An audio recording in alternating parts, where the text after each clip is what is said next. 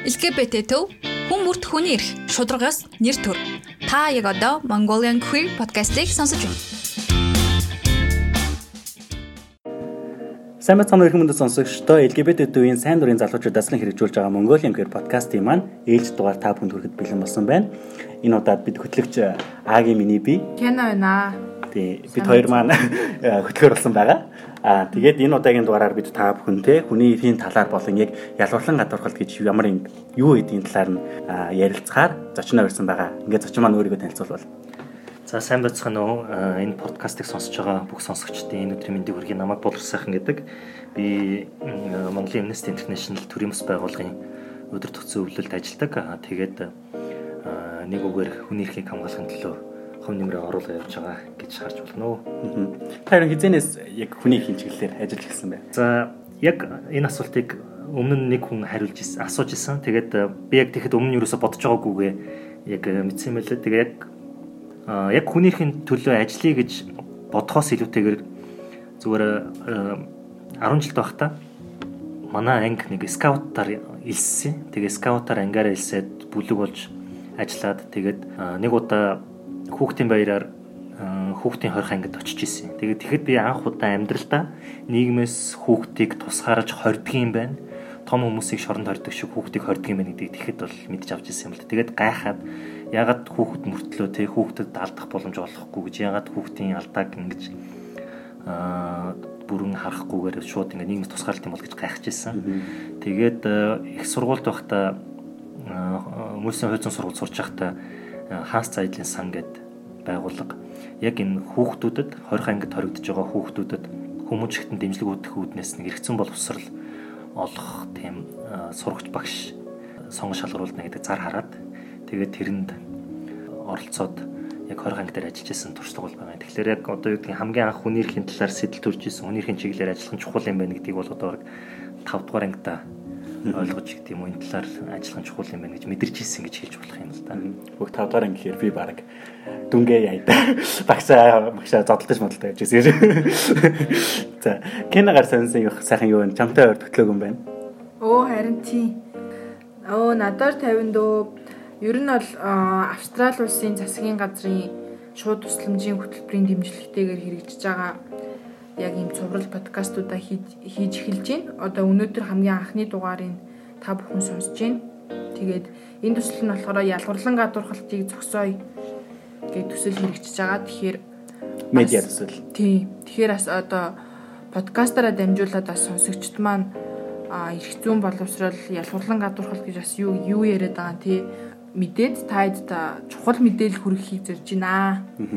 Би болохоор нэг өмнө нь дандаа залуучуудтай тэр тусмаа яг нөгөө нэг ком аут хийхин хийхүү залуучуудын хайр дурлал тэгэл ер нь найзууд дундаа ямар байдгүй гэдэг ерөнхийдөө нэг чөлөө зэдвэр ярьжсэн бол энэ удаагийн хилөө их зүүн боловсрол олгох болоо гэж итгэж байгаа. Тэгээд амар том хүнтэй уулзч одоо баяртай байгаа. За миний тавих ихний асуулт болохоор юм байна ерөн хүмүүс хүний эрх хүний эрх гэж яриад байдаг. Хүний эрх гэж юу ерөн юу юм бэ? Айгүй хуулийн нэр томьёонууд байгаа л гэдэг. Яг хүмүүс зөвхөн хүний эрх гэдэг таны өгүүлбэрээр хэлвэл аа нэг үгээр бол хүний эрх гэдэг зүйл маань өөрөө эд зүйл биш. Одоо хүний эрх гэж юу вэ гэж асуухаас илүүтэйгээр хүний эрх хэнд хамаатай вэ гэвэл илүү хүмүүсийг би зүгээр тэгж асуудаг байгаас гэж боддог. Ягаад гэвэл хүний эрх гэдэг бол нэг юм худалдаад авчдаг, хин нэгэн өгдөг, эсвэл хин нэгнээс авчаад дараа нь буцаагаад алдчихдаг зүйл бол биш нэг үгээр тодорхойлох юм бол хүн гэж бод галыг олж төрснийхөө хуваар таны одоо оршихуйтай амьдрахтай чинь шууд холбоотой тэр бүхнийг хүнддэг гэж хармаар байна. Тэгэхээр одоо зүүрлэх юм бол та төрөнгүүтэй л дархлаатай тэр дархлаа чинь ингээл таныг элдв өвчнөөс хамгаалаад ямар нэгэн байдлаар бие махбод чинь сул дороотхоос сэргийлдэг бол хүний эрх гэдэг ойлголтын цаана бид нар хүнийг байгаагаар нь хүлэн зөвшөөрөх хүн төрсэн цагаасаа хойш өөхөх хүртлээр ямар нэгэн байдлаар өмнө нь шошго тэмдэг тавихгүйгээр хүнийг байгаагаар нь одоо хүн гэж хүлээн зөвшөөрч харьцдаг байх тухай ойлголт гэж харж болно. Тэгэхээр хүнийг одоо өмнө нь ямар нэгэн тэмдэг нэр тавихгүйгээр шошго наахгүйгээр чи ийм шүү дээ гэж харахгүйгээр хүнийг хүн гэж харьцах, хүн гэж хүндэтгэхийг л энэ тэргуунд хүний эрхийн тухай ойлголттой уялдуулж үзнэ гэж хэлмээр байна. Хүний ихийг сайн нуун та дархлаатай адилтглаа шүү дээ. Дархлааг хүн ер нь бол өөрөө ингээд дэмжиж өөрөө ингээд төрхтөө дархлаатай төрцөн тэр дархлаагаа ингээд сулрах юм бол ингээд өөрөө ингээд дархлаа энэ байдлаар ингээд дэмжиж явдаг шүү дээ. Тэгвэл яагаад ингээд хүний эрх гэдгийг яг нийгэмд ингээд их яриад идэг өөрөөгөө ингээд өөрийнхөө эрхийг ингээд хангаад яваад иж болдгоо юм уу? Хүн өөрөө төгс төгөлөр амтан биш. Ян зүрийн нөхцөл байдал төрн ян зүрийн амьдралын туршлагатай туулна. Тэгээ зарим нь болохоор багасаа хүч хэрглэж асуудлыг шийддэм байх гэдэг тань мэдээ явчихна. Зарим нь болохоор би хүмүүсийг хүндэтэх ёстой байх гэж явчихна. Тэгээ эхлэнгүүт нөгөө хүч хэрглэж багасаа асуудлыг нударгаар шийдэж сурсан хүмүүс маань яг бусдыг өөртөөгөө нэгэн адил хувь хүн гэж харахгүй би энэс хүчээр илүү юм чинь би эсвэл одоо юу гэдгийг насаар илүү юм чинь нэг бол туршлагаар илүү юм чинь эсвэл би энэ хүнээс олуулаа юм чинь гэдэг байдлаар нэг нэгэн рүүгээ халддаг нэг нэгнийхээ үл тоодог юм байсан байгаа юм л да. Тэгэхээр энэ бүх зүйл нийлж явсаар байгаад хүмүүс юу гэж харсан бэ гэхээр хүүе нэг хүнийг бид нар тусгаалan анхаарч болохгүй юм байна тий. Бид нар бүлэг хүмүүсийг тусгаалan анхаарч болохгүй юм байна. Нэг ард түмнийг онцолж үзэж болохгүй юм байна. Бүгдээрээ л хүн төрөлхтөн гэдэг малгаанд ороогаар чинь яагаад нэг нэг нэгэ байгаагаар нь хүн төрөлхтний гэр бүлийн гишүүн гэж харж болохгүй юм бэ гэдэг зүйлийг олж харсан байна. Гэхдээ яг ингэж харах хүртэл нэг нүгүүлэхэд бол маш олон зуун жилийг өнгөрөөсөн маш олон дайн хүчирхийлэл самуун одоо юу гэдгийг те зүв бус үйлдэлтэй нүүр тулсан. Гэхдээ хүн төрөлхтний олж харсан энэ маань бидний эрхэмлэн амьдрах зүйл юм байна гэдгийг бол олж харсан. Тэр ахиц дэвшил нь бол хүний эрхийн тухай ойлголт гэж хэлж болж байгаа. Аа. За ялгуурлан гадуурхалт гэдэг нь яг юу юм бэ? Тэгэхээр түрүүний хэлсэнчлэн нөгөө хүний эрхийг хүнтэй холбож харна гэдэг шиг ялгарлан гадуурх гэдэг зүйлийг ч гэсэндээ бас хүнтэй л холбоно. Яагаад хүмүүс нэг нэг нэгэ ялгаж гадуурхаж байгаа юм бэ гэдгийг л энэний цаана ярих гэсэн үг. Тэгэхээр ялгарлан гадуурхалт гэдэг зүйл маань юутай холбоотой юм бэ гэхээр хүнтэй өөртөө холбоотой. Хүн яадгүй гэхээр ялгарлан гадуурхах гэдэг зүйлийг хийхин тулд хэд хэдэн нөхцөл байдал бүрддэг гэж хараад байгаа юм л да. Нэгдүгürt хүн айдаг. За айц. Тэгэхээр хүн ялгарлан гадуурхын тулд айн гэдэг нь маань өөрөө юу ярьж байгаа вэ гэхээр альва зүйлийг мэдэхгүй бол тэрийг ерөөсөө хүлэмжшүрдэг. Одоо бүгдээрээ бодъё л доо. Хүн төрөлхтөн анх одоо ингээд үүсэж бий болоод амьдрал ахуйгаа залгаад одоо байгаль дээр амьдраа явж байгаа гэхэд бол яагаад аянга цагч байгааг мэдтгүй байсан. Яагаад салхишуур болоод яагаад заримдаа цэлмэг нартай болоод яагаад заримдаа араатай амтан дайраад эсвэл заримдаа ингээд идэ ундаа илбэг болдоод нэг бол үер болоод нэг бол жим сургаад байгааг мэддэггүй байсан. Тэнгүүд үүнийг мэдэхгүй учраас тайлбарлаж чадахгүй учраас өөрөөсөө ямар нэгэн тайлбар хийдэг. А тэр тайлбараа хийж байгаа зүйлдээ итгэдэг. А хүмүүс өөрөөсөө тайлбарлаж чадахгүй байгаа зүйлийг айдаг. Тэгээд одоо ингээ эргээ харах юм бол үлгэр домог тэ хууч яриа энэ чинь бүгд хүний өөрийнхөө мэдж байгаа төвшөнд л ямар нэгэн байдлаар тайлбарж исэн гэсэн үг. Хамгийн ойрын жишээг л тэгээл та хүмүүс ягаад бидээ өсөхүү толгоо суг өстэй болсон бэ гэж тэгдэг шүү дээ. Тэнгүү чин домгоор юу гэж ярьдаг вэ гэхээр ингээ бурхан эхлээд хүмүүсийг өстэй бүтээсэн юм аа. Тэнгүүд чөтгөр одоо юу гэдэг ингээ хорлоод хүмүүсийн ингээ биен дээрх үсийг нь одоо юу гэдэг ингээ нохоогоор ингээд бохирдуулсан чинь одоо юу гэдэг чөтгөр ингээд хүний бурхны бүтээлийг ингээ хорлцсон чинь бурхан энэ чөтгөр хурж ирээ шээдсэн байна. Ийм учраас нохоо чи энэ хүний биен дээрх үсийг долоо гэж л дээ Тэнгүүд нохоо хурж ирэнгүүт нь хүн айсандаа ингээд толгоогоо дараад сугаа хавчаад доошоо сууччихлээ. Тэнгүүд хүн нөгөө биенийх нь ил хэсгийг ингээд нохоогоор долоолгоод үсээ алдаад хүний биений үсийг чөтгөрийн хорлсон үсийг нохоо өөрт авцсан гэдэг ярьж байгаа жишээ. Тэгэхээр энэ бол домог хязгаарч юм байгаагүй. Гэхдээ хүмүүс зүрлсэн. Тэгээ яагаад суганд ус ургадгийн, яагаад толгоо дээр ус байдгийн, яагаад энэ э, хөмсгөн дээр ус байдгийн гэдэг нь болохоор нөгөө нүрээ дараад те харин тийм баг хийж үсэж нээрэд гэсэн шиг. Ингэж байгаа жишээ. Тэгэхээр энэ бол нөгөө мэдж байгаа хүрээндэл нөгөө мэдэхгүй байгаа зүйлээ тайлбарлаж байна. Аа мэдэхгүй байгаа зүйлээ тайлбарлаж чадахгүй бол айдаг л гэсэн үг. Хамгийн ихний алхам. За тэгээ айдгийнхаа дараа яадаг вэ гэхээр ингээд тодорхой хэмжээд бид нар мэдчихлээ шүү дээ. За нар зүүнээс манддаг юм байна. Яагаад гэвэл бурхад ингээд нөгөө тийм нарны бурхан ингээд морио унаа тавихлаар өдөр болдог харанхуй бурхан морио оноо тавихлаар шүн болдог энэ төргээ тайлбар гарч ирээд эхлэнгүүт бас өөрсөндөө тэрэндээ итгэн штэ. Тэгэнгүүтээ араас нь яд гэхээр өөрийнхөө мэддэг зүйл дээр мэддэггүй зүйлийгээ дүгндэг. Тэгэнгүүтээ ташаа бодно. Эсвэл ухрам өчөд төсөөлнө. За одоо хамгийн ойрын жишээгээ тэгэх юм бол одоо юу гэдгийг аа Олимпиул дээр бурхад байдаг. Олимпиулын орой дээр бурхад байдаг учраас тэн чинь хамгийн хүчтэй бурхад амьдардаг. А тэгээд тэрнээс доош хүмүүс амьдардаг.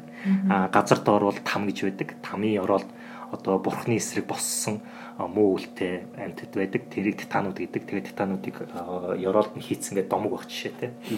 А эсвэл одоо юу гэдгийг манад бол ингээ замп тв гэдэг байна. А замп тв болох ингээ те хүн амьдардаг ертөнц. А доошоо бол ингээ тамийн ертөнц байна. Халуун там хідэн төрлөөрөө хүүтэн халуунаараа ялгарсан там байдаг.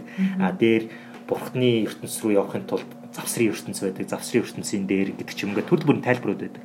Энэ маань өөрөө юу юм бэ гэхээр домгийн шинжтэй хүмүүс өөрсдийн танин мэдсэн хүрээндээ ертөнцийн ойлголтыг тайлбарлаж идэг гэсэн үг. А ташаа бодож мөчөд төсөөлдөг аюул байдаг. За дараа нь хөвшмөл дүр заагуур бий болгоно.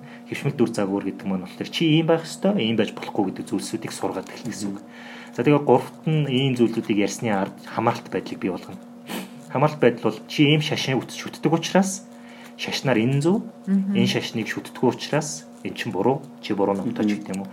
Тэгээ энэ дөрвөн зүйл дээр тулгуурлаад ялгарлан гадах гэсэн. Тэгэхээр Канагийн асуултыг яагаад ингэ оршилтоо ярьж байгаа нөхөөр нэг өнөөдрийн та бүхний надаас гол ярилцж байгаа сэдв маань ялгарлан гадуурх гэж хэлсэн учраас яагаад ялгарлан гадуурт гардаг юм бэ гэдгийг би дараа нь жишээн дээр тайлбарлахад энэ дөрвөн алхмыг л харна гэсэн үг. Тэгэхээр айдас, ухар мөчөд төсөөлөл, нэг бол ташаа бодол, тэгээ хөвшмөл дүр заагвар, тэгээ хамааралт байдал ялгарлан гадуурхтыг үүсгэх юм байна. Энэ бүхэн хүний бүндгэртэй толгойтой холбоотой юм байна. Хүний бодол ямар байхаас хамаалаад хүмүүс ялгарлан гадуурч эхэлт юм байна гэдгийг л нэг үгээр хийж болно гэсэн үг. Сая хөвшмөл байдал гэж хөвшмөл байдал гэр яг юу юм бэ? Би скол би нөгөө хүн учраас бүгдээрээ л ингээд адилхан гэж үзээд дээ тий. Одоогийн нөгөө нэг саяны таны ярьж байгааг болохоор надад болохоор айгүй шинэ мэдлэг байгаа байхгүй юу? Одоо болохоор бид нөгөө нэг хөвшмөл байдал гэдэг үг хөвшмөл байдал гэдэг нь одоо нөгөө их сургууль сурж байгаа оюутан гэдэг нэр томьёонд би ингээд зүгдээд одоо 3 4 жил болж байгаа гэж бүгдээрээ л хөвшмөл юм шиг ингээд байгаад байгаа байхгүй юу? Ер нь яг хөвшмөл байдал гэж. За одоо хамгийн ойрын жишээ. Аа оюутнуудыг чинь юу гэж ярьдаг вүлээ? хүн биш. За юу юу хоёрыг хооллол буян болно гэдэг үү? Оюутан нохоо одоо ганагийн нэгтэй байх болж ганагийн нэгтэй хацсан бэл. Бэд үс. Юу гэдэг гэсэн юм? Ганагийн нэгтэй оюутан нохоо гур байсан. Гэтэ нэг гандан тагтай хоёулаад одоо нохоо оюутан хоёр болчихсон. Тагтаа нохоо оюутан гурыг хооллол буян болно гэдэг үг нь шүү дээ. Тэгэхээр энийг одоо эргээ харъя л да. Энэ яг юу вэ гэхээр энэ хөвшмөл тэр байдал чинь гарч ирж байна гэсэн үг. Нохоо хоёр бол хоолгүй тэр бүр гадаа годамжнаас хоол олох гээд үлэн зэлмэн явдаг амьтад тэрнтэй адилхан манус дунд байдаг. Хүн гэж харах шаардлагагүй бод гал бол оюут юм байна л гэж тодорхойлчих гэсэн. Тэгэхээр энэний чинь хамгийн аюул нь юу гэхээр хүмүүс тусдаа оюутан гэдэг тодтолтой хүн бол тусдаа гэдэг ингээ ялгач чинь гэсэн үг. Тэнгүүтээ одоо юу гэдэг бүгдээр нь хүн гэж харах хэвээр байтал оюутан бол өвлөн зэлмэн явдаг, оюутнууд бол мөнгөгүй явдаг, оюутнуудаар бол юу ч хийлгэж болно, оюутнуудын хөдөлмөрийг мөжиж болно, оюутнуудыг хүндэж шаардлага байхгүй, оюутнуудыг зарж болно гэдэг хандлага чи өөрөө нөгөө төрний ярьсан хөвшмөл ойлголт юм байна л гэж харж болж байгаа. За энэ юунаас ихтэй юм бэ гэдгийг харъя. Тэнгүүд эн чинь нөгөө гурт талхам байгааз. Хөвшмөл ойлголт нөгөө ядурлан гадуурхалтын гурт талхам. Хоёр дахь алхам дээр нь юу ярьж нөхөл нэг ташаа бодно гэдэг байгаа шүү дээ. Гэтэл яг бүх оюутнуудыг аваад үзэх юм бол бүх оюутан дандаа үлийн явдаг. Бүх оюутан чадваргүй байдгүй. Бүх оюутан юм хийж чаддаггүй. Бүх оюутан ямар нэгэн амьдралын туршлахгүй гэж юу гэдэг асуулт гарч ирнэ. Тэгэхээр үгүй. Хүн болгоны явсан зам өөр, хүн болгоны тэр заавал 16, 17, 18 та байгаад оюутан болж байгаа гэдгээс үл хамааран тэр хүмүүсийн ертөнц, тэр хүмүүсийн тулсан зам бүгдэнтэй адилхан байх албагүй. Өдийн 16 настай мөртлөө маш их ариун нийгмийн талаар туршлагатай хүн байж болно. 18 настай мөртлөө маш олон төрлийн хүмүүстэй уулзсан эсвэл өөр олон газраар аялаад ертөнцийг таньж мэдсэн хүн байж болно. Гэтэ тэрийг зөвхөн насаар нь чи дөнгөж нэгдүгээр курс штэ гэд оюутан ч гэдэг юм уу те чи дөнгөж их сургуулийн босоо алгасан штэ чамайг оюутан гингээд тэр оюутан гэдэг малгаан дор энэ бол туршлагагүй энэ бол чадахгүй энэ юу ч хийж чадахгүй гэж харж байгаа чинь ташаа бодол ухар мөчтөр төсөөлж ийн гэсэн үг. Өөрт байгаа жоохон мэдлэгийг, өөрт байгаа жоохон мэдээллийг бусдыг харсан өөрийнхөө явцууд үнэлтэн дээр тулгуурлаад ташаа бодчих чинь гэсэн. Тэгэхээр оюутан хүн биш гэдэг дүгнэлт юу юм гэхээр яг энэс ихж байна л гэсэн санаа. Монголд за оюутнуудын ингэж яригд юм байж. Ер нь ялгуурлан гадуурхалт гээл байгаа айгүйх яригддаг те. Ер нь яг ямар хүмүүсийг Монголд яг нэг аль хэсэг хүмүүсийн ирэх илүү зөрчигддөг юм бэ? би саяны нөгөө дөрөв алхам дээр тулгуурлаад хариулчих. Хүмүүс тэр хүмүүсийнхаа тухайн амьдралыг мэддэггүй. Тэр хүн ямар нийгмийн саад бэрхшээлтэд тулгарч байгааг мэддэггүй. Хүмүүс өөртөөгөө яг адил тийм амьдралын замыг туулаагүй хүмүүсийг гадуурхдаг. Хамгийн ойрын жишээ. Хүүхэд байна. Хүүхдийг яд түүхлэр чи насаар баг, надаас туршлагаар баг, чи миний одоо юу гэдэг бүрэн хамааралд байгаа. Чи надтай цусан төрлийн холбоотой эсвэл эцэг эхийн харилцаатай учраас чи надаас бүрэн хамааралтай гэж эцэг эхчүүд боддог. Гэтэл эцэг их биеийг нь төрүүлсэн үнэн боловч тэр хүний юу хүсэж байгаа, мэдж байгаа, юу руу тэмүүлж байгаа болгоныг тэр болгон зааж чиглүүлж савнд цутгах чадахгүй. Тэгэхээр эцэг эхчүүд юу гэж боддгоо гэхээр тэ би энэ хүүхдийн амьдралыг заа зааварлна. Энэ хүүхэд зарим тохиолдолд зарим эцэг эхчүүд бол миний амьдралдаа биелүүлж чадаагүй мөрөөдлийг энэ хүүхэд биелүүлэх ёстой гэж тулгадаг. Хамгийн амар нь юу юм бэ гэхээр би багтаа балетаар хичээллэхийг хүсдэг байсан ч гэсэн балетаар хичээлж чадаагүй. Тэгэхээр миний охин балетч юм бол. Эсвэл би багтаа одоо юу нь те одоо математикч болно гэж бодож исэн дааж чадаагүй. Тийм ус спортоор хичээлсэн. Тийм учраас миний хүү математикч болно гэж тулгадаг. Тэгэхээр энэний цааны юу гэж юм өгөхлөөр эцэг эхчүүд хүүхдээ өөрийнх нь биелээгүй хүсэл мөрөөдлийг биелүүлэх өөрийнх нь үргэлжлэл эсвэл өөрийнх нь үгээр яв цав явах ёстой одоо утсан хүүхэлтэй гэж хараад байдаг. Гэтэл бидний гол амин сүнс бидний эргээд харах ёстой зүйл юм гэхээр хүүхэд танаас төрсөн үнэн боловч тэр амьдралаа авч явах, амьдралаа залах, амьдралаа тодорхойлох нь тэр хүүхдээс өөрөөс нь бүрэн хамаардаг юм аа. Та зөвхөн тусал дэмжиж өгөх баха гэж бодож байгаа. За дараа нь яригдж байгаа бүлэг хүмүүс бол хөгжлийн бэрхшээлтэй хүмүүс. Хөгжлийн бэрхшээлтэй хүмүүсийг бид нар яаж харддаг вэ гэхээр энэ бол уламжлалаар бол үйл үр эдэлж байгаа. Наад хүмүүс чинь одоо эцэг их нь ямар нэгэн буруу юм хийгээд эсвэл өөрсдөө буруу юм хийгээд бэрхшээлтэй болцсон. Дахир дутуу болцсон. Чадвар алдсан гэж хараад байдаг. Гэтэл төрөлхөөс хөгжлийн бэрхшээлтэй байх эсвэл ямар нэгэн осол аваар гэмтэл юм уу те санамсаргүй байдлаар тохиолдлоор хөгжлийн бэрхшээлтэй болох нөхцөл Монгол улсад зөндөө бий. Аа төрөл бүрийн байгууллагын хийсэн судалгаагаар юу яригдж байна вэ гэхээр ер нь хөгжлийн бэрхшээлтэй хүмүүсийн талаас илүү хувь нь ямар нэгэн осол гэмтлийн улмаас хөгжлийн бэрхшээлтэй болж ийн гэдэг. Тэгэхээр тийм хүмүүсийн хувьд бол энэ бол маш одоо юу гэдгийг аюулгүй байдлыг бүрдүүлээгүй хөдөлмөрийн аюулгүй байдлыг хангаагүй эсвэл замын хөдөлгөөний дүрмийг зөрчсөний улмаас хүмүүс осол аваар гэмтэлд ороод хүчлийн бэрхшээлтэй болж байгаа тохиолдол бий. Ялангуяа хуучин цагт юу яриж ирсэн бэ гэхээр энэ нөгөө эмнэлгийн тоног төхөөрөмж им хэрэгсэл тутмаг байсны улмаас он шиг бүрэн тавиагүй улмаас буруу имчилгээ бичээд хүүхдүүдийг ямар нэгэн байдлаар сонсголон алддаг ч байдаг юм уу эсвэл оюунд нөлөөлдөг байдлаар ийм асуудал тулгарч ирсэн тохиолдол байна. Тэгэхээр хөгжлийн бэрхшээлтэй хүмүүс бол бас ялгарлан гадуурхалт өртөж байгаа хүмүүсийн нэг гэж харж болж байгаа. Тэгэхээр саяны хоёр жишээн дээрээс аваад үзэх юм бол хүмүүс юу гэж харж байна вэ гэхээр нийгэмд байгаа цөөн хүмүүсийг эсвэл өөрөөс нь сул дорой хүмүүсийг эрх мэдлгүй хүмүүсийг ялгарлан гадуурхах юм байна гэж нэг үгээр хэлж болно гэсэн үг. За тэгээд ялгарлан гадуурхалтыг одоо цогсоо болиулъя гэж одоо ярьдэн штэ. Тэгээ одоо гол зорилго нь бол ялгарлан гадуурхалтгүй тийм сайхан нийгмийг зохицлох ч штэ. Тэр нийгэм ер нь юугаараа давуу талтай яагаад бид нар тэрний төлөө хичээх ёстой юм бэ? Монгол ер нь ялгарлан гадуурхалтай нийгэм юм уу? Нэг үгээр тийм. Агийн асуусан асуултаар бол ялгарлан гадуурхалт байна. Аа манай Монгол улсын 92 оны үндсэн хууль дээр оршил хэсгээр нь хүмүүнлэг иргэний арчилсан нийгмийг цогцлон бүтээнэ гэдэг ард түмний хүсэл эрмэлзлийг тодорхойлцсон байгаа юм. Үндсэн хуулийн орчлыг аваад үзэх юм бол яг энэ хүмүүнлэг иргэний арчилсан нийгэмд хүрэхийн тулд бид нэр яаж хүрэх юм бэ гэдэг нэг дөрвөн арга зам байгаа гэж харж болно. Тэгэхээр бид нэр тусгаар тогтнол үндэсний аюулгүй байдлаа хангана тийм хүний эрх хэрэг чөлөө дээдлэн үндэсний эв нэгдлийг бэхжүүлнэ хүн төрөлхтний олд амжилтаа мөр зэрэгцэж алхах нь өвгөн уламжлалаа нандинан өвлүүлнэ гэсэн арга замаар бид нэр хүмүүнлэг иргэний нийгмийг цогцлон бүтээнэ гэж. Тэгээд 92 оны үндсэн хуулийг батлахдаа тэн дээр нэг үндсэн хууль дээр ялгарлан гадуурч болохгүй гэсэн нэг заалт байна. Тэр заалтан дээр юу яригдж байна вөхлөөр яг өнгөрсөн цаг үед хүмүүсийг яаж ялгарлан гадуурч байсан юм бэ гэдэг хүн төрөлхтний болон Монголын түүхийн сургамжн дээр тулгуурлаа тэрийг оруулж ирсэн байна. За хүнийг насаар хүүсээр нийгмийн байдлаар угсаа гаруулаар нь төрөл бүрийн хэлбэрээр ялгарлан гадуурч болохгүй гэд дурдсан байна. А хэдэн жилийн өмнө үндсэн хуулийн цэц юу шийдсэн бэ гэхээр энэ үндсэн хууль дээр заасан шинжээр ялгарлан гадуурхаж болохгүй зэрэгцээ одоо яг энэ хөгжлийн бэрхшээлтэй хүмүүс жагсаал цуглаан зохион байгуулахад оролцож болохгүй гэж хорж болохгүй. Ийм учраас үндсэн хууль дээр заасан нэр томьёоноос гадна үндсэн хууль дээр заагаагүй ч нийгэм тулгарч байгаа хөгжлийн бэрхшээл юм уу бусад хэлбэрээр ялгарлан гадуурхаж болохгүй ба гэд манай Монгол улсын цэц шийдвэр гаргацсан. Тэгэхээр өнөөдөр бид нар үндсэн хуулийн зүйл зал дээр байгаа тэр шалгуураас гадна өөр ямар нэгэн байдлаар бид нар ялгарлан гадуурхалтай нүүр тулвал тэрийг бас бид нар хориглох тэмцэх ёстой гэсэн үг. За жишээлбэл одоо ингээд хууль харах юм бол хүүхд эрхийн тухай хууль, залуучуудын хөгжлийг дэмжих тухай хууль, ахмад насны дэмжих тухай хууль, хөгжлийн бэрхшээл дээрний тухай хууль гэдээ байна. ингээд нийгмийн бүлгээр нь тодорхойлцсон. Тэгэхээр энэ хүмүүс хамгийн их ялгарлан гадуурхалтанд өртдөг учраас тусгаалan анхаарч ингэж харж болж байгаа юм. Дараа нь Мона Монгол улсын эрүүгийн хуульд 2017 онд шинээр ялгарлан гадуурхах бол гимт хэрэг юм аа гэж оруулж ирсэн. Тэгэхээр тэр гимт хэрэг дотор юу орж ирж байгааг нөхөөр нэмээд тэр насаар хүйсээр тэ нийгэмд эзэж байгаа байр сууриар ингээ олон янзаар ялгарлан гадуурхын зэрэгцээ үнд цуцаар ялгарлан гадуурхын зэрэгцээ хүмүүсийг бэлгийн чиг баримжаа хүйсийн баримжаагаар илэрхийлэлээр нь битгий ялгарлан гадуурхах чиг гэдгийг гимт хэрэг болгож оруулж ирсэн. Тэгэхээр өнгөрсөн хугацаанд хүмүүсийг энэ одоо юу гэдгийг өөрийгөө хэрхэн илэрхийлж байгаа. Хүмүүст өөрийгөө хэрхэн харуулахыг хүсэж байгаа.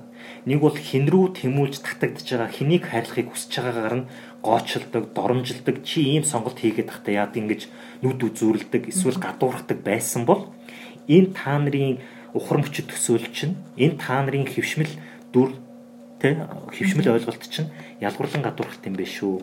Хүнийг тэр хайрлж байгаагаар нь эсвэл өөрийгөө илэрхийлж байгаагаар нь эсвэл өөрийгөө хэн бэ гэж тодорхойлж байгаагаар нь битгий ялгуурлан гадуурхах чи гэдгийг бүр хуулиар хоригдсон гэсэн үг. Тэгэхээр биднэрт бол хуулийн арга хэрэгсэл байна. Аа үүний зэрэгцээгээр бид нэр энэ хуулийг таньж мэдээд бас хуулийн дагуу бид нэр шаардаж болох юм байна гэдгийг бас эндээс харж болох юм. Аа одоо нөгөө нэг э, ялгарлан гадуурх зөв гэмт хэрэг гэж ярьлаа шүү дээ тийм. Жишээлбэл намайг э, би LGBT байлаа. Аа чи ингээ нийгмээс өөр ингээл манай найзууд ингээ намайг дормжлоо гэж бодъё л доо. Ер нь тэгвэл би яг хинд яаж хандах вэ? Зүгээр одоо бол би цагдаа дээр очиод энэ намайг ингэсэн гэвэл баг хов зөөсөн маягтай болчих шүү дээ найзууд дундаа. Ер нь яг яаж би ирэхээ хамгаалах хэрэгтэй. За миний нэг найз байт юм л да. Тэрэгцэртэй. Тэрэгцэр хэрэгэлдэг. Тэгээд ихэс төрөхдөө бол ямар нэгэн чадвар алдаагүй ч гэсэндээ тэгээд осол гэмтлээс болоод тэрэгцэр хэрэгэлдэг болсон. Бүслэгнээс доош мэдээ байхгүй. Тийм залуу гайн. Тэгээд тэр залуу сургууль сурч исэн чинь оюутан байхдаа баг төгсөх курст байхад ангийнх нөхдүүд асуусан байгаа. Хөөе чи ихэд жорлоо орж харагдахгүй маа. Яг яаж бийцсэн юм бэ? Тэгээд нөгөө нэг 22-т охид тэгээ асуухлаар чинь 22-та залуугууд амир юу штэ. Тийм үстэй үйтингийнх нь охид чи ингээд тэрэгцэр хэргэлдэг тэгээ яаж бийцтiin тэгээ үнэндээ бол яаж орлоо орж шээж баад ингэж асуух чинь амир эвгүй үстэй. Тэгээд манай найз болох яг ингээд өөрөө хэлсэн байгаа юм л та. Үгүй яг би ингээд памперс хэргэлдэг юм аа. Тэгээ памперс хэрглэхлээр нэг бол яг нэг 2 3 цагтаа бол ингээд тесэд болчихноо. Тэгээ бүр болохгүй нойтой өргөд байвал би ингээд жорлоо орж жоод памперсаа ингээд шин чихээр сольчт юм аа гэж хэлсэн байгаа юм. Тэгэхээр одоо юу гэдэг тэр охтын хувьд цэцэрлэгт байхаас сургууль сурахаас эхлээд амьдралдаа хөгжлийн бэрхшээлтэй хүнтэй нүүр тулж байгаагүй гэсэн үг. Тэгэхээр тэр охтын буруу ш. Тэрэн шиг одоо агийн найзууд одоо юу гэдгийг тэгээ чамааг одоо юу гэдгийг би ийм хүнийг хайрладаг, ийм хүн рүү тэмүүлдэг, би өөрийгөө ингэж илэрхийлмээр байна. Би өөрийгөө ингэж тодорхойлмоор байна. Гингүүт нь ээ ээ бөө чи эрэхтэй юм байж эрэхтэй байхгүй бахта яадаг ингээд доогөлж байгаа бол үндсэндээ тэр хүүхдүүд маань мөчөд төсөөлж чамаг эрэхтэй байж эрэхтэй байх чадахгүй байхдаа яад ингэж харж ин гэсэн. Тэгэхээр тэр хүүхдүүдийн хувьд маш хомс мэдээлэл. А тэгээд амьдрал дээр өөр олон төрлийн олон хүсэл эрмэлзэлтэй олон өнгийн хүмүүс байдаг юм байна гэдгийг хараагүй юм байна л гэсэн үг. Тэгэхээр үндсэндээ ээж аав нь, орчин нь, нийгэм нь, ойр тойрны хүмүүс нь үндсэндээ эрэгтэй эмэгтэй гэсэн хоёрхан л өнгө байдаг юм байна. Улаан цэнхэр гэсэн хоёрхан л өнгийн хүн байдаг юм байна гэдгийг тэр хүүхдүүдэд ойлголцсон байсан гэсэн үг. Тэгэхээр бидний хувьд одоо ийм асуудалтай тулгарлаа гэвэл яах вэ гэхээр хорвоо ертөнцийн солонго шиг солонгорсон маш олон төрлийн хүмүүс байдаг юм аа. Ийм хүмүүсийг чи таньж мэдээ. Хэрвээ чи мэдэхгүй байвал судлаа, үзээ. Би чамд хэлж өгөө, тайлбарлаж өгөө гэж тэр ятхан үнэмшүүлж, тэр ухар мөчөд төсөөлж байгаа тэр хөвшмөл ойлголтоор ертөнцийг харж байгааг нь таниулах нь энэ тэргүүний чухал алхам гэж хэлмээр байна. А дараагийн алхам бол үнэхээр одоо юу гэдгийг те чиний бие махбод чинь халтцсан чамайг бүр ингээд доромжилсан тэр чинь ингээд чамд бүр үнэхээр хүнд тусцсан байх юм бол дараа дараагийн тэр хууль цагдаагийн байгууллагад нь хандаад явж болно. А эхний ээлжинд найзуудтай бол найзуудыгаа буруушахаас илүүтэйгээр найзуудыгаа илүү танин мэдүүлэх, мэдлэг ойлголтыг нэмэгдүүлэх тал дээр анхаарах нь илүү зүйтэй гэж бодож байна. Хэрвээ бүр нөгөө нэг асуудал ингээ хүндрээд аа би магадгүй хүчирхийлэл төртөөд тэгсэн бол яг нөгөө нэг энгийн юм арга замаар ингэж шийдүүлнэ гэдэг яг алхмуудыг та хэлж өгвөл. За яг хуу яг таны хэлсэнчлэн одоо гинт хэрэг тийм үү те хин нэгний э, буруу үйлдэлийн хохирч болчлоо гэвэл цагдаад хандах зүйтэй. Тэгээ цагдаа тэрийг шалгаад прокурор хянаад тэр ялгарлангаа дурах гэмт хэрэг үү эсвэл те хүнд гэмт хэмтэл учруулах гэмт хэрэг үү гэдгийг ингээд өөрсдөө мөрөөр нь ажиллаа авчиж болно. Өөр нэг зүйл нь юу юм гэхээр яг ийм хүмүүст тусалдаг, ийм хүмүүст хувь зүйн зөвлөгөө өгдөг, ямар нэгэн байдлаар дэмжлэг үзүүлдэг төрийн бас байгууллагууд байна. Жишээлбэл LGBT төвгээ төрийн бас байгууллага байна. LGBT төвийн одоо сайн дурын залуучуудын үйл ажиллагааны нэг хэсэг нь энэ подкаст гэж хэлсэн шүү дээ. Тэгэхээр яг энэ маань юу юм гэхээр LGBT төв хүртэл олон нийтэд болон бусад хүмүүст энэ ойлголтыг түгээх гээд та бүхэнтэй амтраа та бүхний үйл ажиллагааг дэмжиж ингэж харж болж байгаа. За үүний зэрэгцээгээр одоо юу гэдгийг яг Австрали улсын засгийн газрын шууд тусламжийн хөтөлбөрийн дэмжлэгээр одоо энэ ялгарлан гадуурхалтыг зогсоо игээд төслийн хүрээнд энэ подкаст хийж гисэн шүү дээ. Тэгээ энэ подкастын маань гол зорилго юу юм гэхээр би та хоёрын ярианаас медиа аян өрнүүлээд энэ медиагаар дамжуулаад олон нийтийн мэдээ ойлгохыг нэмэгдүүлэх гэж байгаа юм гэж ойлгож байна. А дараа нь гэх юм бол зөвхөн LGBT төвлөлтгүй бас энэ энэ чиглэлээр ажилладаг төрийн бас байгууллагууд байна. Хамгийн анхны төрийн бас байгууллага гэх юм бол үндсэндээ одоо юу гэдгийг бүр 1999 онд байгуулагдсан тавилан байгууллагын туршлага дээр үндэслээд одоо тэнд ажиллаж исэн хүмүүс маань нөгөө залуус эрүүл мэндийн төв байгуулсан. За үүний зэрэгцээгээр залуус эрүүл мэндийн төв гэд байгуулгын зэрэгцээгээр яг одоо юу гэдгийг төчүүдэд ч гэдэг юм уу те эсвэл бусад нийгмийн бүлэг туслах зорилгоор ингээд үйл ажиллагаа явуулж байгаа сайн дурын санаачлагууд төрийн бас байгууллагын эвслүүд бас байна. Тэгээ яагаад би энэ төрийн бас байгууллагыг онцож байгаа юм гэхээр хэрвээ та ганцаараа байгаад үнэхээр өөрийнхөө асуудлыг шийдэж чадахгүй өөрийнхөө төлөө дугрыг гэхэд айцтай эсвэл ямар нэгэн хүнд байдал тулгараад юм уу эсвэл айц дарамттай миний өмнөөс одоо хин нэгэн дуграад өгөөсэй миний өмнөөс хин нэгэн асуудлыг гаргаад өгөөсэй гэж ганцаараа дуурч чадахгүй байгаа тохиолдолд бол энэ LGBT төвч гэдэг юм уу залуус эрүүл мэндийн төвч гэдэг юм уу эсвэл бусад энэ бэлгийн цooгийн талаар ажилладаг байгууллагуудад бас хандаж болно. Нэг. А хоёрдугаар зарагдаж байгаа зүйл юу юм гэхээр хүний эрхийн үндэсний комисс гэдэг төрийн байгууллага байна. А энэ байгууллага маань болохоор хуулиар яг одоо юу гэдгийг хүний эрх хэрэгжүүлээ зөрчигдсөн тохиолдол эсвэл гендерийн эрх тэгш байдлыг хангах үүднээс гендер суурилсан ялгуурлан гадуурхалттай нүүр тулсан хүмүүст мэрэгжлийн тусалцаа үзүүлэх хууль зүйн тусцааг үн төлбөргүй үзүүлэх шаардлагатай тохиолдолд бүр өмнөөс нь эрхийг нь төлөөлн нэхэмжлээд ажиллах гээд байгууллагууд байх жишээтэй. Тэгэхээр төрийн болон төрийн бас байгууллагуудад хандаж болно. Шаардлагатай тохиолдол үнэхээр ноцтой байх юм бол бас хууль хяналтын байгууллагад хууль хяналтын байгууллага гэдэг нэг үгээр шууд цагдаад хандаж болно гэсэн үг. Тэгэхээр та яг ямар асуудалтай тулгарав, яг яав гэдгээс хамаарат бас хандах боломжтой. А шаардлагатай гэвэл бүр хэрвээ та тэ насан туршаагүй хүүхэд байх юм бол 108 гээд утсанд хандаж болно. А хэрвээ цагдаа тандыг гэвэл 102-т хандаж болно. Эсвэл хүний эрхийн үндэсний комисс тандыг гэвэл 7000 тэг 222 гээд дугаарт хандаж болно. Аа нэг бол онлайнаар гомдлоо хүний эрхийн үндэсний комиссийн сайт руу ороод хандаж болно. Нэг бол LGBT төвд хандаад би яг ийм явдалтай учрлаа одоо яах вэ гэд энэ чи ажилдаг мэрэгжлийн хуульчаас нүртэл тусцаа авах боломжтой. Тэгэхээр яг одоо юу гэдэг танд бол яг тухайн асуудал дээр тулгараад яаж хандхаа мэдэхгүй цагдаа тандыг гэхэд одоо юу гэдэг маш олон хүнтэй нүүр тулаад ярилцах гад байвал эсвэл олон хүнд харагдахыг хүсэхгүй байвал нэг бол зүгээр л уцаараа яриад асуудлаа шийдэхийг хүсч ивэл эсвэл энэ зөвлөгөө авъя гэж ивэл бас ийм олон боломж байгаа гэдгийг эндээс дуртмаар байна. Киноос би асууя. Сая айгүй олон ингээ хүний эрхийн байгууллагуудын усны дугаар хэлж байгаа л да. Хэрвээ би үнэхээр нэг LGBT эрхийн асуудлаар надад ингээ зөрчил гараад би хэнийг энд ялварлан гадуурхагдсан бол танахаас энэ зөвлөгөө өгдөг утас байдаг те тэр дугаараа хэлж өгвөл. Аха. Аа манад 7 өдрийн 24 цагаар ажилладаг тусламжийн утсаага 95 15 92 70 гээд ийшээ залгаад анхан шатны сэтгэл зүйн зөвлөгөө авах боломжтой бас яг ийм чиглэлээр янз бүрийн мэдээлэл авах боломжтой. Тэгээ яг LGBTI хүний эрхийн талаар ажилладаг байгууллага гэвэл зөвхөн LGBT төв байгаа. Гэтэ мэдээж одоо LGBT хүний эрх гэхээр яг тийм тусгаалan авч үзсэн тийм бусад хүний эрхээс шал өөр зүйл биш. Тэгэхээр мэдээж бусад хүний эрхийн байгууллагатай холбогдох боломжтой. Канагийн яриан дээр өргөл хэлэхэд би нэг өмнө хэлсэн шүү дээ. Ямар нэгэн байдлаар хин нэгний өмнө битгий шошго тэмдэг наагаач тэмдэг нэр тавиач гэдэг гол санаа нь хүний ирэх ярьж байгаа бол тэрийг бид хүнтэй шууд холбоотой авч үзсэн. Тэр хүн ямар байхаас үл хамаар ямар байхаас үл хамаар нэгэн сая хэлсэнчлэн лесби, гей, бисекс, трансгендер эсвэл интерсекс байна уу? Хөгжлийн бэрхшээлтэй өндөр настай хөдөө амьдардаг, оюутан сургуульд хамрагдаагүй, боловсралгүй, сургуулиас авсарцсан хөдөлмөр эрхэлж байгаа, морь ундаг, зах дээр тэрэг төрж байгаа байна уу? Эсвэл ямар нэгэн байдлаар мэрэгжил ур чадваргүй улмаас ажилгүй, гуйлгуугаад амьдарч байгаа юм уу? Эсвэл тэ ямар нэгэн байдлаар одоо юу гэдгийг барилга дээр ажиллаж байгаа хараар ажиллаж байгаа гэж манайхан ярьдаг шүү дээ тий. Тийм нөхцөл байдал байна гэдгээс үл хамааран хүн болгоныг хаана ямар нөхцөлд ажиллаж байгаа амьдарч байгаа гэдгээс үл одоо юу гэдгийг шалтгаалan хүнийг хүн гэж харах тухай асуудал яриад чинь. Би нөгөө Facebook дээр тавьсан нэг зургийг хараад надад тэр санагддаг байхгүй юу.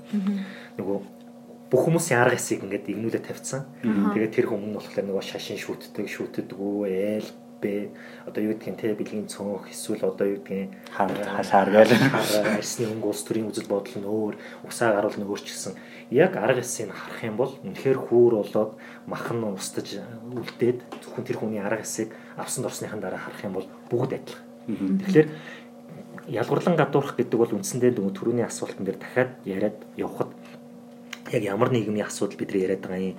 Яг яах юм гэхээр хүмүүс нэг нэг нэгэ ялгарлан гадуурхдаггүй олон урагч үзлийг хүлээн зөвшөөрдөг байх юм бол улс орон илүү хурдан хөгждөг юм байна гэдэг зүйл байгаа нэг. Яагаад гэвэл тэр нийгэмд хүн болгон хувь нэмрээ оруулна. Тэр нийгэмд амьдарч байхдаа хүн болгон тэр нийгмийг сайн сайхан болгох юмсан гэдэг гар бие оролцсон гэсэн үг. Аа тэгж чаддгүй нийгэм бол яа гэвэл нэг бол дарангуйл тогтно. Нэг бол нийгэмд байгаа хамгийн олон бүлэг нь цөөнхийгөө гадуурхаж цөөнхийгөө нулимс цус зовлон шанал дээр аз жаргалыг бий болгодог, өөрсдийнхөө аз жаргалыг бий болгодог гэсэн. Тэгэхээр энийг болор сайхан хэлж байгаа юм шиг энийг хүн төрөлхтний түүх болон өнгөрснөөс авсан сургамжаар л харж байна гэсэн. Хамгийн ойрын жишээ. 13 дугаар зуунд бид нар маш олон шашныг хүлээн зөвшөөрөөд хар хорондоо шашнуудыг хоорондоо мэтгэлцэхийг ингээ бүр ингээд зөвшөөрөөд хаана хүртэл тэрийг ингээд харж исэн гэдэг түүхэн баримт өгдөг. Гэтэл одоо эргээ харах юм бол Монголын орчин үеийн түүхийг аваад үзвэл шашин шүтдэг хүмүүс, шашин шүтдэггүй хүмүүс гэж хоорондоо хуваагдаад шашин шүтж байгаагаа үзэн ядаад хомроглон алж исэн, бүр төрлөөр устгаж исэн жишээ багч. За дараа нь болохоор шашингүй үзэл нийгэм тогтонгуудаа шашиныг уландаа гიშгэнгүүтээ бүх хүмүүсийг шашин шүтдэг байснаар ялварлан гадуурхаад бүр алдсан.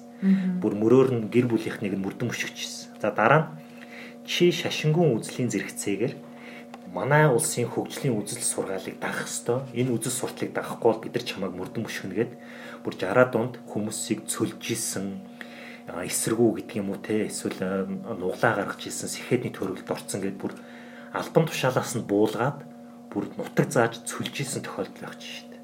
Тэгэхээр хүний амьдралыг тэр ямар нэгэн шошго тэмдэг тавьж зааж зааварладаг хин бэ? Асуулт. За сүүлийн ганц жишээ гэх юм бол хүмүүсийг хүн амаа өсгөх бодлого нэрээр чи ихнэргүй нөхөргүй бол чи хүүхэдгүй бол татвар төлгөж шахажсэн. Одоо эргээ харъя л да. Болор сайхан эрэгтэн хүн. Тэгсэн мөртлөө миний зүрх сэтгэл эрэгтэн хүн рүү тэмүүлдэг. Би эрэгтэн хүнийг хараад догдолдог. Миний хайр, миний хүсэл тэмүүлэл, дур хүсэл эрэгтэн хүн рүү татагддаг, эрэгтэн хүнээр өдөөгддөг бай. Тэгвэл тэр нийгэмд би хизээч их нэртэй байж чадахгүй. Тэгэхээр би өвхөн хөвтлээ татвар төлөх үү? Эхний асуулт. Тийм болж таарна. Хуулиар. За дараа нь би хүүхэдтэй болох тухай асуудал. Би үнэхээр их нэртэй болж чадахгүй юм чинь би өвхөн хүүхдлээ хүүхэдгүй байгаагийнхаа төлөө төр татвар төлөх хэрэгтэй болж байна гэсэн үг. Гэтэл зүүн би хэнийг хараад дурлах, хинтээ амьдралаа хамт өнгөрүүлэх, би хайны жилтэй болоод хизээ хүүхэдтэй болох гэдэг чинь миний сонголтын асуудал байтал. Шууд надад тулгаж ийн гэсэн үг. Одоо өөрсдөө ингэ да. 18 хүрээл шууд хайртай өнө бүгд олчдгоо Үгүй шүү дээ. Тэнгүүт энэ хуулиар тэг гэдэг байхгүй. Чи 18 хүрсэн бол хүнтэй суу. Тэнгүүтээ суух суухтаа эрэгтэй бол ихнэр ав, эмэгтэй бол нөхөр ав гэдэг байхгүй. Нөхөртэй бол. Эн чин шууд механикаар ингэж болохгүй зүйл шүү дээ. Тийм биз дээ. Эн чин хайр сэтгэлийн асуудлыг бид нэр дийлэхгүй шүү дээ. Тийм биз дээ. Эн чин зарим хүмүүс ч бүр 30 40 хүртэл ганц бие явж явах тохиолдол байна. За хоёрдугаар одоо цагаан сараар чи хүнтэй суухгүй яасан юм бэ гэдэг чинь ингээл оо наад нөгөө ухар мөчт төсөөлөл хөвшөлтөөр загварч явж байна гэсэн. Тэнгүүтээ хүүхдийн асуудал. За үнэхээр би хань ижилтэй бол үнэхээр би нэг эмэгтэйд сэтгэл алдраад дурлаад бид хоёр нэг нэг нэг таньж мэдээд нэг гэрт ороод өрх тусгаарлаа. Тэ дэр нэгтгэлээ. Бид хоёр тасралтгүй 3 жил бэлгийн харьцаанд орлоо. Гэсэн хэдий бол хүүхдгүй байвал яах. Үнэхээр хин нэг нь үргүү бол яах Хүний амьдрал ийм тохиолдсон шүү дээ. Ийм зүйл тохиолдох үгүйс харахгүй шүү дээ. Гэтэл чи хүүхэд бол татвар төлгээд бид хоёроос татвар авч байгаа чи өөрөө шудрах юм. Тэгэхээр эн чинь нөгөө олон урагч үзэл байхгүй хүнийг шууд оршихууг нь үгүйсгэж байгаа хүний амьдрал бүр хүний хамгийн нандин харилцаа руу төр орж иж байгаа хүнийг их нэртэй их нэргүй хүүхдтэй хүүхдгүүгээр нь ялгарлан гадуурч байгаа үйлдэл гэж харж болж байна. Тэгэхээр ийм зүйл чинь өөрөө эргээд хүний амьдралыг хүнд байдалд оруулдаг. Тэгээ эргээд худлаа дүр эсгэхэд юм уу эсвэл утсан хүүхэлтэй болоход юм уу эсвэл өөрийнхөө мэдрэмж өөрийнхөө хүсэл зоригоос өөр амьдрал бүтээхэд хүргэдэг гэсэн үг. Тэгэхээр өөр амьдрахад амьдрал бүтээхэд хүргэнэ гэдэг чинь юу гэхээр одоо жишээлбэл миний таньдаг хүмүүс дотор үнэхээр өөрөө эрэгтэй хүн рүү тэмүүлдэг эрэгтэй хүн рүү татагддаг мөртлөө нийгмээс тулгаж байгаа хөвшмөл дүр загвар хамааралт байдлаас болоод тэр залуу их нэртэй болж байгаа жишээ. Өөрийн хүсэл, өөрийн хайр, өөрийн дур хүслийн эсрэг зогсож чинь гэсэн үг шүү дээ. Ийм амьдрал өөрөө хэр удаан үргэлжлэх вэ? Хэрхэн аз жаргалтай байх вэ?